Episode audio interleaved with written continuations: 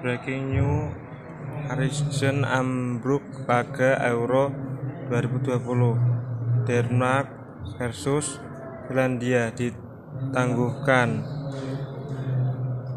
Salah satu laga pada pergelaran akbar Piala Eropa atau Euro 2020 antara penghuni grup B Denmark dan Finlandia.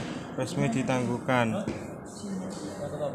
Laga Denmark versus Finlandia di Stadion Parken Copenhagen resmi ditangguhkan karena adanya sebuah insiden yang melibatkan salah satu pemain Christian Eriksen